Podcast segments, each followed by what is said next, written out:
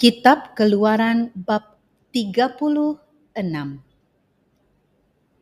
Demikianlah harus bekerja Besaleel dan Aholiab dan setiap orang yang ahli yang telah dikaruniai Tuhan keahlian dan pengertian sehingga ia tahu melakukan segala macam pekerjaan untuk mendirikan tempat kudus tepat menurut yang diperintahkan Tuhan.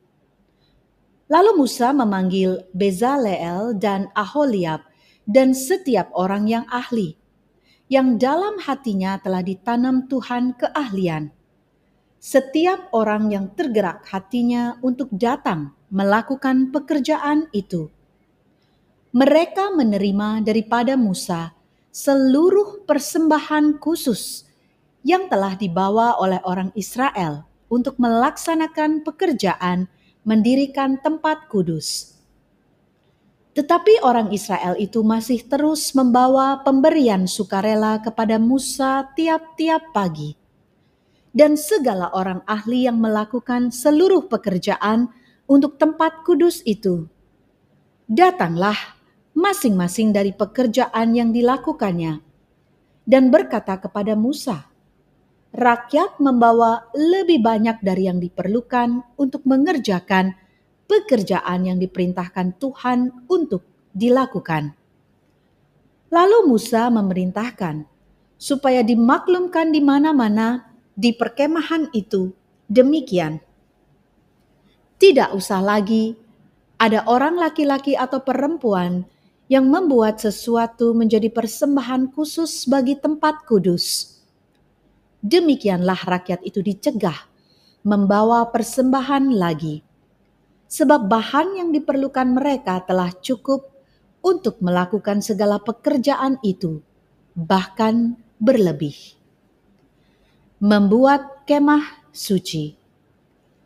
Lalu semua ahli di antara tukang-tukang itu membuat kemah suci dari sepuluh tenda dari lenan halus yang dipintal benangnya dan dari kain ungu tua, kain ungu muda, dan kain kirmisi. Dengan ada kerupnya, buatan ahli tenun, dibuat orang semuanya itu.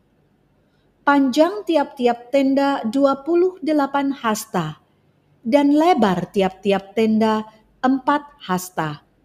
Semua tenda itu sama ukurannya lima dari tenda itu dirangkap menjadi satu, dan yang lima lagi juga dirangkap menjadi satu. Pada rangkapan yang pertama, di tepi satu tenda yang di ujung, dibuatlah sosok-sosok kain ungu tua. Dan demikian juga di tepi satu tenda yang paling ujung pada rangkapan yang kedua. Lima puluh sosok dibuat orang pada tenda yang pertama dan 50 sosok pada tenda yang di ujung pada rangkapan yang kedua. Sehingga sosok-sosok itu tepat berhadapan satu sama lain. Dibuatlah 50 kaitan emas dan disambunglah tenda-tenda kemah suci yang satu dengan yang lain dengan memakai kaitan itu, sehingga menjadi satu dibuatlah tenda-tenda dari bulu kambing menjadi atap kemah yang menudungi kemah suci. Sebelas tenda dibuat orang. Panjang tiap-tiap tenda 30 hasta dan empat hasta lebarnya. Tiap-tiap tenda yang sebelas tenda itu sama ukurannya. Disambunglah lima dari tenda itu dengan tersendiri dan enam dari tenda itu dengan tersendiri. Dibuatlah lima puluh sosok pada rangkapan yang pertama di tepi satu tenda yang di ujung. Dan dibuat lima puluh sosok di tepi satu tenda pada rangkapan yang kedua. Dibuat oranglah lima puluh kaitan tembaga untuk menyambung tenda-tenda kemah itu, sehingga menjadi satu juga dibuatlah untuk kemah itu tudung dari kulit domba jantan yang diwarnai merah, dan tudung dari kulit lumba-lumba di atasnya lagi. Dibuat oranglah untuk kemah suci itu papan dari kayu penaga yang berdiri tegak. Sepuluh hasta panjangnya, satu papan, dan satu setengah hasta lebarnya tiap-tiap papan. Tiap-tiap papan ada dua pasaknya yang disengkang satu sama lain. Demikianlah diperbuat dengan segala papan kemah suci. Dibuat oranglah papan-papan untuk kemah suci, dua puluh papan pada sebelah selatan, dan empat puluh alas perak dibuat orang di bawah kedua puluh papan itu dua alas di bawah satu papan untuk kedua pasaknya, dan seterusnya dua alas di bawah setiap papan untuk kedua pasaknya. Juga dibuat orang untuk sisi yang kedua dari kemah suci pada sebelah utara dua puluh papan, dengan empat puluh alas peraknya dua alas di bawah satu papan, dan seterusnya dua alas di bawah setiap papan. Untuk sisi belakang kemah suci, pada sebelah barat, dibuat oranglah enam papan. Dua papan dibuat orang untuk sudut kemah suci di sisi belakang. Kedua papan itu kembar pasaknya di sebelah bawah dan seperti itu juga kembar pasaknya di sebelah atas, di dekat gelang yang satu itu. Demikianlah dibuat orang dengan kedua papan yang untuk kedua sudutnya itu.